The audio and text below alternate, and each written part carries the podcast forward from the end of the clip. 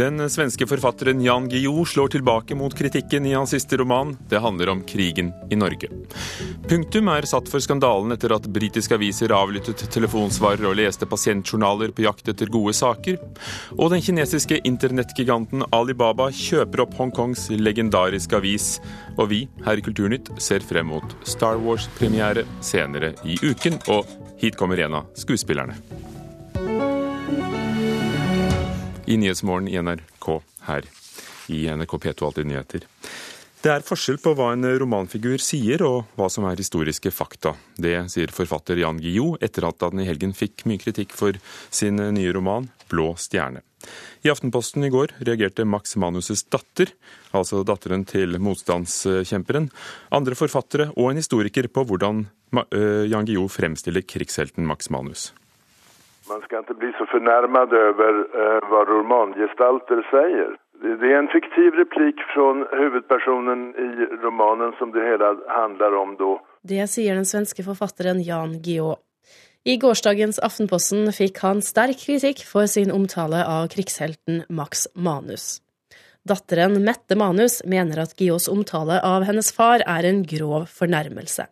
Og neste dag så fikk jeg høre at Donau den var sunket. Max Manus, som gikk bort i 1996, er en av Norges fremste krigshelter. Gios siste roman 'Den blå stjernen' handler om en norsk kvinne som involverer seg i motstandskampen under andre verdenskrig. Denne kvinnen har i slutten av boken en samtale med en annen kvinne idet kong Olav og Max Manus kommer kjørende nedover Karl Johans gate en maidag i 1945. Kjenner du ham? Nei, men han er godt kjent fra Stockholms restauranter, der han pleier å slå om seg med skryt. Men eh, var det ikke han som skjøt politisjef Martinsen? Jo, og tyskerne henrettet bortimot 30 stykker som hevn. Ingen nordmann har forårsaket så mange landsmenns død som Max Manus. Det har ikke lyktes NRK å komme i kontakt med Max Manus' datter Mette Manus, men hun sier til Aftenposten at historikere vet at hennes far ikke likviderte politisjef Martinsen, og at bruk av farens navn på denne måten er problematisk fordi anklagen er grov, og fordi Guillaud er et kjent navn nettopp på grunn av sine historiske romaner. Forfatter Jan Guillaud er uenig. Forstår du hennes eh, frustrasjon? Nei, eller det, ja, eller det kanske jag kan göra, men, men eh, man, kan inte, man kan inte behandla historiske romaner som historie. Max Manus' datter Mette Manus får støtte fra forfatter og journalist i NRK Eirik Veum, som har skrevet mye om andre verdenskrig. Problemet her er at man skriver om en hendelse som har skjedd. Og man skriver om forhold som, eh, som er virkelige, men man blander da inn en person som også er ekte men som ikke var involvert i det. Og For lesere så blir det da vanskelig å vite hva er sant og hva er ikke sant. Og Når det gjelder da det tilfellet her, så er det da en, en ekte person som har etterkommere, som har familie. Og Da blir det selvfølgelig svært uheldig at en leser kan få inntrykk av at Max Manus var med på likvidasjoner, noe som Eh, faktisk da ikke har skjedd. Meningen med denne eh, boken er å forsøke å berette historien som den opplevdes da, ikke som vi kjenner til den i etterhånd. Og hva det hele anspiller på, er en diskusjon som fantes gjennom hele den norske hjemmefronten og motstandsrørelsen og eksilregjeringen i, i eh, London, nemlig er det rett å begå sånne sabotasje så at tyskerne gjennomfører sine eh, represalier, skyter gisler, eller er det feil? Og den, den diskusjonen var sterkt levende under hele motstandskampen. Og det er den som jeg henviser til her, gjennom at to romangestalter eh, berør den. Disse temaene for oss nordmenn er så sensitive og så eh, såre fortsatt, selv 70 eh, år etter andre verdenskrig, at når man skal skrive om de betente temaene fra krigen, så bør man være bombesikker på at det man skriver er riktig. Og her er det ikke rom for tolkning og fantasi sa journalist og forfatter Eirik Veum, reporter Eirin Venås Sivertsen. Agnes Moxnes, kulturkommentator i NRK. Hvilke friheter mener du roman romanforfattere kan ta seg når de skriver om virkelige personer? En romanforfatter skal og bør ta seg egentlig ganske store friheter. Men hvis forfatteren vil bli tatt på alvor, så er det smart å holde seg innenfor det som man regner som en rimelig grad av, av fakta. Og, og, særlig når man skal inn og liksom skrive om en del av historien som allerede er veldig, veldig omdiskutert. Og det gjelder jo eh, likvideringen av denne Eh, svært eh, nazivennlige politisjefen i, eh, Oslo i 1945, altså Carl Martinsen. Jan Guillou sier at det er jo ikke han som sier dette, men karakteren i romanen hans. Er det en god forklaring? Ja, det er en veldig god forklaring. Og det er eh, det som også gjør det veldig vanskelig å anklage Jan Guillaud for å drive med historieforfalskning her. For dette er en metode forfattere har for å si noe om sine karakterer. Altså den karakteren, Johanne, som sier det i Jan Guillauds eh, roman, hun kan jo ha en egeninteresse av å spre røyn, løgn og falske eh, Lage en falsk historie. Altså at hun har en egeninteresse av det, og være med på å påvirke hvordan en persons ettermæle skal oppfattes. Eh, og Det er sånn jeg liksom hører Jan Guillou her, og sånn jeg også leser dette i romanen hans. Og At det ikke er hans påstand, altså. Men det er vel forskjell på typen feil, for det er jo ingen ny diskusjon når det er snakk om eh, bøker eller filmer som tar utgangspunkt i historiske personer og hendelser. Er det forskjell på på hvilke unøyaktigheter da, som eventuelt begås? Ja, jeg syns det. Altså, eksempel så ble det jo en voldsom debatt etter Kon-Tiki-filmen. I måten eh, en av personene på Tor Heyerdahls eh, eh, flåte ble fremstilt, altså Herman Watzinger. Og da sa jo filmskaperne åpent ut at de hadde liksom gjort om en del på hans, både historien hans og karakteren hans, fordi det skulle gjøre filmen mer spennende. Men det er jo en ekstremt dårlig forklaring på, på, på hvorfor man endrer en faktisk karakterskikkelse. Nå er jo Blå stjernehage jo en del av et større prosjekt med å skrive romaner om hele århundret. Så det kommer jo flere. Men, og, og, som du sier, Agnes Moxnes, det er en rollefigur som sier dette. Det er ikke forfatterens påstand. Men risikerer likevel at fremstillingen av historien, da, at det var Max Manus som sto bak en likvidering, at det blir stående for folk? Jeg tror ikke det. Dette er en, en bitte liten episode i epilogen til eh, romanen. Eh, dessuten så er det ikke en spesielt eh, Nå har jeg bare rast gjennom den. Det er ikke noe spesielt god roman. Den har heller ikke fått liksom, sånn oppsiktsvekkende god kritikk. Så jeg kan tenke meg at, at kanskje Jan Guillou lagt inn dette elementet her. fordi at denne romanserien han har skrevet, handler jo om forholdet mellom Norge og Sverige i stor grad. Ja, han har lagt inn dette elementet for å få litt sånn Jan Guillaud-tradisjon, få liksom litt kraft og, og opphetethet inn i debatten og om f.eks. hans egen roman. Og det fikk han. Takk skal du ha, Agnes Moxnes, kulturkommentator.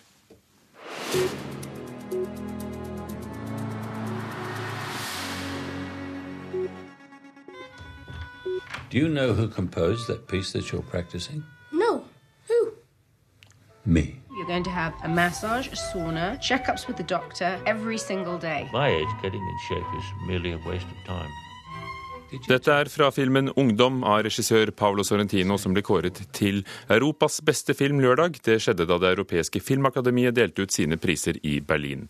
Og han vi hørte, britiske Michael Kane, ble kåret til beste mannlige skuespiller for hovedrollen nettopp i filmen 'Ungdom', som en aldrende komponist på høyfjellshotell i Sveits. Charlotte Rampling ble kåret til beste kvinnelige skuespiller for sin rolle i filmen 45 år, som kommer til Norge første juledag, mens eh, Ungdom, eller Youth som den heter, kommer til Norge i slutten av januar.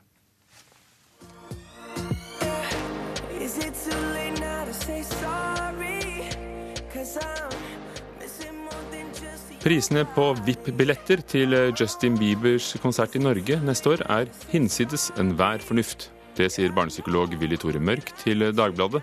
De dyreste billettene koster 17 000 kroner og gir kjøperen bl.a. en spesiell seteplassering og mulighet for en selfie med den canadiske popstjernen. Mørk sier at man med slike priser får håpe Bieber ikke finner på å forlate scenen pga. vannsølv en gang til.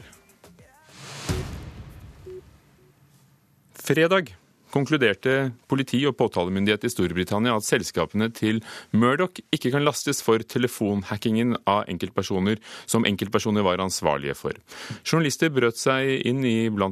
private telefonsvarere, datamaskiner og pasientjournaler på jakt etter opplysninger de kunne bruke til å skaffe seg historier. Blant ofrene var eh, det britiske kongehuset, David Beckham, fotballspilleren, skuespiller Hugh Grant og familier til personer som ble drept i terrorangrepene 11.9. i USA avisen News of the World ble lagt ned som en følge av denne skandalen. Og London-korrespondent eh, Espen Aas, hvilke reaksjoner eh, er kommet på, på avslutningen av skandalen? Ja, Det har jo naturlig nok eh, kommet en del skuffelser, bl.a. gjennom avisen The Guardian, som langt på vei var med på å blåse hele denne avlyttingsskandalen i sin tid. Eh, pressgruppen Hacked Off, eh, som består av en rekke kjendiser, da med nevnte Hugh Grant i spissen, en gruppe som mener seg misbrukt både gjennom denne avlyttingsskandalen og det de ellers måtte mene har vært overgrep fra pressens side, har nå måttet konstatere at denne saken er over. Påtalemakten har lagt saken død etter den store rettssaken eh, som, som, var, hvor eh, noen få ble, ble, dømt. Eh, og det er jo da selvsagt en del journalistisk karrierer som har blitt lagt i grus gjennom avsløringene av arbeidsmetodene deres, men i det store og hele så har jo nyhetsinstitusjonene, da, særlig Murdochs News Corporation og også denne Mirror-gruppen, som har tabloidavisen Daily Mirror i sin portefølje, gått fri. Dette var ikke noe institusjonelt, slik mange hevdet. Det har retten ment det motsatte av. Hvilke reaksjoner eh, har det vært mot da nettopp disse enkeltpersonene underveis i, i forløpet? Altså, dette har jo vært en lang lang og ikke minst kjempedyr uh, rettssak. En rettssak som kostet over 100 millioner pund, eller over 1,3 milliarder kroner, da, hvis vi skal regne det over i, i, vår verdi, med en rekke advokater uh, involvert. Dette var jo eh, hoffkorrespondenter og selvfølgelig et par etter hvert så profilerte redaktører som Rebecca Brooks og Andy Colson.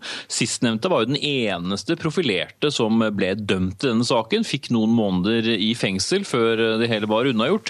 Men det er klart, denne rettssaken som pågikk over lang tid, var jo en formidabel skittentøysvask innad i redaksjonen, særlig til News of the World, da, hvor vi fikk servert noen historier vi knapt kunne tro. Og privatlivet til disse to redaktørene, som også hadde et forhold til hverandre, ble også lagt åpen for hele verden. Men da dommen mot Andy Colson kom, så stilnet jo også veldig rundt denne saken, selv om det da også har vært noen rettsrunder etterpå. Har det ført til noen noen endringer i britisk presse? Har det vært en nyttig oppvask, i det minste?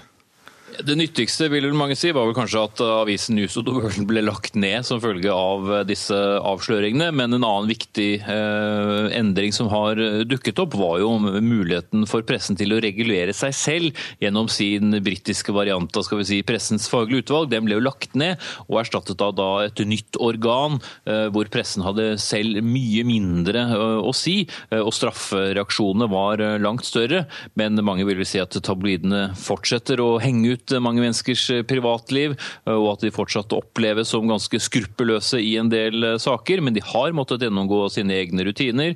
Særlig da The Sun og News of the World og The Mirror har måttet innrømme at det pågikk ting i deres redaksjoner som ikke skulle skje. Men i det store og hele så er vel ikke britisk presse så annerledes enn den var f.eks. For, for fem eller ti år siden. Takk skal du ha, Espen Aas i London. Klokken nærmer seg 17 minutter over åtte. Du hører på Nyhetsmorgen i NRK. Helseminister Bent Høie får kritikk for forslaget om å lovfeste retten til å stå på venteliste til sykehjem. Vi kan ikke vinne kampen mot terrorgruppen IS uten soldater på bakken, sier sjefen for Etterretningstjenesten. USA ber amerikanere komme seg ut av Burundi. Dødstallet stiger etter angrepene på militærinstallasjoner i landet.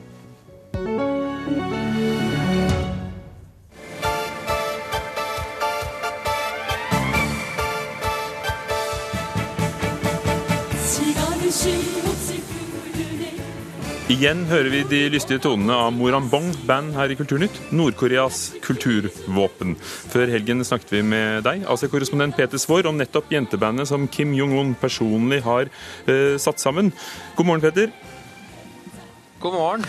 Nord-Koreas leder hadde jo sendt gruppen til Kina for å, å, bedre forholdet til den store naboen i forkant av et møte i FNs sikkerhetsråd, og det skulle være en stor konsert for spesielt inviterte i Beijing. Hvordan gikk det?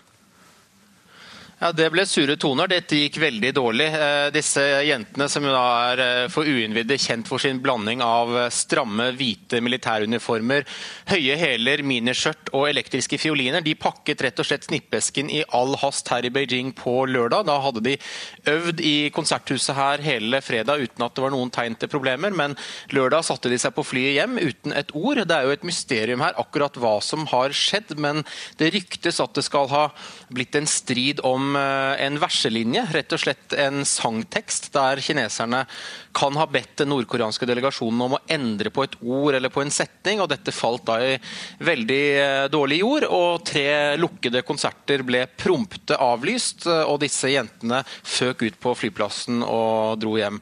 Det kan jo også nevnes at det er ganske vanlig at sånne nordkoreanske arrangementer avlyses i siste liten, og dette er nok ikke den vanskeligste gjengen i verden å fornærme. Vi vil bare nøste opp den historien før vi går eh, videre, siden vi hadde snakket om det i forrige uke i Kulturnytt. I dag får vi vite at den kinesiske internettgiganten Alibaba har kjøpt Hongkong-avisen South China Morning Post, som har vært en institusjon av en avis i, i den delen av eh, Asia. Eh, hvilke størrelser er det vi snakker om her? Ja, Kinas internettgigant Alibaba er vel uh, verdens største netthandelskonsortium akkurat nå. Du kan sammenligne dem med uh, Amazon og eBay sammenslått. Det er verdens største netthandelsfirma. De har altså kjøpt uh, South China Morning Post og ble kjent nå i helgen. På mange måter kan du kalle det Asias svar på Aftenposten. Det er en Hongkong-avis med en 112 år lang historie, som har vært den viktigste, beste, mest uavhengige engelskspråklige avis som som har dekket eh, Kina da, fra utkikkspunktet Hongkong. Og Oppkjøpet sammenlignes jo litt nettopp med hvordan Amazon-gründer Jeff Bezos kjøpte Washington Post for noen år siden. Også fordi man heller ikke i dette oppkjøpet helt forstår hva et nettselskap skal med en slik broadsheet-avis sånn på helt kort sikt. Avisen har vært eid av Murdoch, som har vært eid av en, eh, et, et, medieselskap i Malaysia, og nå altså av, av Alibaba. Hvilke reaksjoner er kommet på, på eierskiftet? Ja, Det er jo mange som er ganske bekymret for South China Morning Posts redaksjonelle uavhengighet. Eh, Alibaba og styreformann Jack Ma har tette bånd til kommunistpartiet. De er avhengig av politisk støtte fra Beijing for sin veldig store forretningsvirksomhet på det kinesiske fastlandet. Og Folk her spør seg jo hva skjer neste gang studentene i Hongkong demonstrerer? Hvilket press vil avisens nye eiere da bli satt under? Og Disse bekymringene har mildt sagt ikke blitt mindre i helgen. Styrets viseformann Josep Tsai har gitt intervjuer hvor han sier at meningen med dette oppkjøpet er å imøtegå vestlige fordommer i dekningen av Kina. Han sier at det som er bra for Kina, er bra for Alibaba, og at kjøpet av avisen er en del av en bevisst strategi for å bedre Kinas rykte i verden. Hvor fritt har eh, avisen South China Morning Post eh, stått overfor kinesiske myndigheter hittil? Ja, I sin 112-årige historie så er de jo nettopp blitt kjent for å være uavhengige og for å være en eh, kilde til eh, nyheter og analyser som eh, folk i resten av verden har stolt på som uhildet og upartiske. Nå mener nok flere at det har blitt eh, stadig mer eh, Kina- og Beijing-vennlige de siste årene, hvor de da har vært eid av som du nevnte, en malaysisk eh, milliardærfamilie. og Så kommer det jo lovnader nå om at Alibaba ikke skal legge seg opp i avisens redaksjonelle linje, men jeg tror det er riktig å si at de fleste, i hvert fall vestlige journalister her i Kina nå, har en litt avventende holdning til det, særlig etter de uttalelsene som eh, kom i helgen. Det blir spennende å se om det nye eierskapet vil påvirke det redaksjonelle produktet, kanskje særlig når selskapet selv sier at man gjør dette eh, for å endre eh, dekningen av Kina i Vesten. Takk skal du ha, Peter Svaar i Beijing.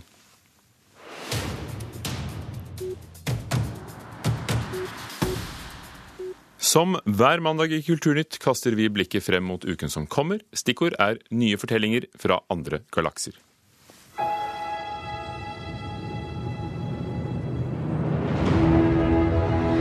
Nothing will stand in our way. finish what you started. Ventetiden er straks over, stjernekrigen er i gang igjen, og denne uken er det premiere på The Force Awakens.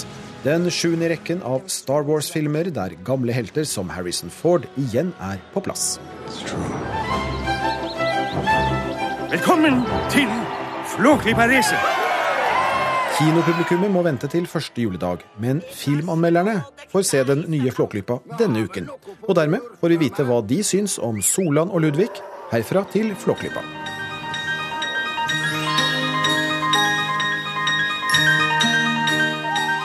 En klassiker som settes opp på julaften i NRK også i år, men nå i en ny og digitalisert versjon som kommer i klarere farger og skarpere bilder. Norge har spyttet inn penger til den nye Tre nøtter til Askepott, og i dag møter statsråd Vidar Helgesen prinsen fra den over 40 år gamle filmen til visning på Filmens hus. Mr. Speaker, sir, the House meets this Saturday to respond to a situation of great gravity. Jernkvinnen ble hun kalt, og var Storbritannias statsminister i over ti år. Denne uken skal en rekke av Margaret Thatchers eiendeler auksjoneres bort hos Christies i London. Dette er også en uke hvor vi får presentert fremtidens nye mobilnett, og som lar juletoner klinge.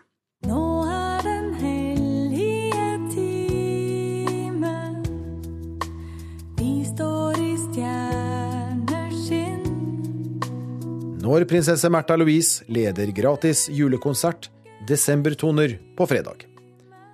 Men tilbake der vi startet, og kanskje den begivenheten det er knyttet størst forventninger til, premieren på Star Wars.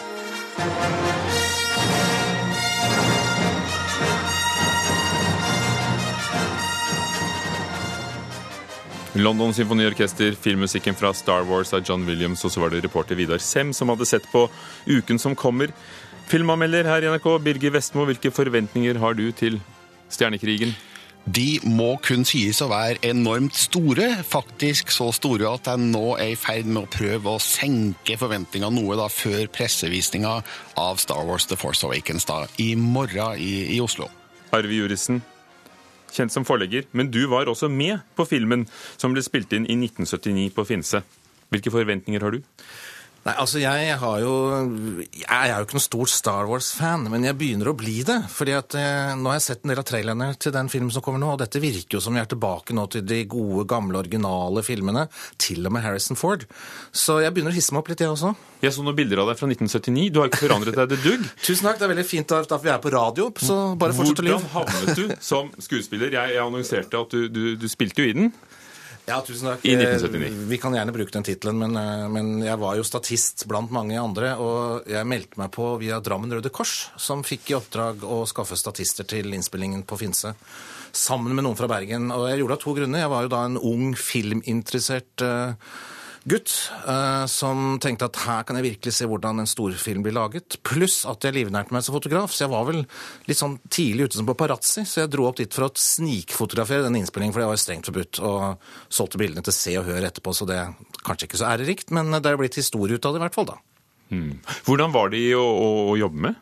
Nei, det var jo en altså det var, Først så var det jo en rang. altså Vi som statister var jo nederst. Vi hadde riktignok tak over hodet, men så mye mer var det ikke, liksom. Dette var jo, Vi var jo arbeidslaget som ble kjørt opp klokka seks om morgenen og ventet på lyset, og så løpte vi og døde vi og skjøt hverandre til klokka ble så mye at det var mørkt. Uh, men det som imponerte meg mest, da, tror jeg, som jeg husker i hvert fall, var lunsjen. For da kom det amerikanske hamburgere fløyet inn med helikopter. Det syns jeg var ganske stort. Midt oppå vidda.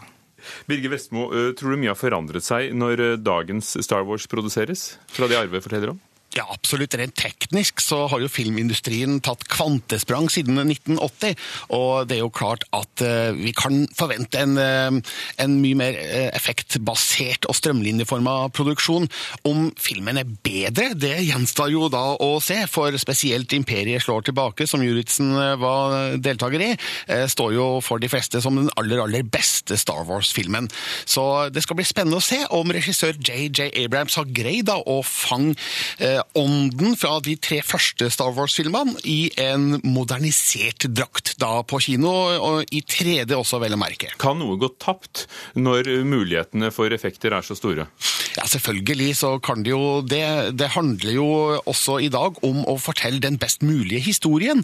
Og her håper jeg at vi er i gode hender, for manuset er bl.a. skrevet av Lawrence Castan, som jo var involvert også i de originale Star Wars-filmene. Så vi håper at han har sørga for at det er en link her tilbake til eh, de originale filmene, som eh, da tas videre i The Force Awakens. Jurisen, var var de gamle filmene best? Ja, altså Det som er spennende nå, er å se teknikken. fordi at Noe av det som var rart er, eh, oppe på Finse, var jo at dette var jo så gammeldags at der var det en arm av det store monsteret, det var en del av en sånn rakett. ikke sant? Man måtte jukse til på en helt annen måte. Og jeg må innrømme da at etter dette har blitt så stort, så har jeg sittet sånn rute for rute for å prøve å finne meg i denne filmen. Og det er jo ganske avslørende når det gjelder teknikken. altså Disse laserskudda er jo veldig dårlig tegna når det begynner å fryse rammene. Eh, Men du kan si at, og denne filmen var jo vel en banebrytende film når det gjelder effekter. Eh, Og det var jo det George Lucas kanskje var, ble størst på, var jo å lage disse effektene. Eh, Men jeg tenker at i bunn og grunn så tror jeg suksessen til Star Wars handler om de gode historiene. Så det er vel noe av altså den tradisjonelle dramaturgien.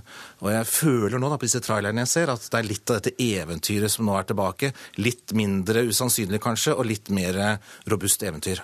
Birger Vestmo, kan du forklare denne interessen som har vært i alle år, fra alt fra vitenskapsmenn til vanlige kinogjengere? Altså, Det er jo fordi Star Wars har levd med oss nå i nesten 40 år i populærkulturen og har virkelig gravd seg dypt inn og slipper ikke taket med det første.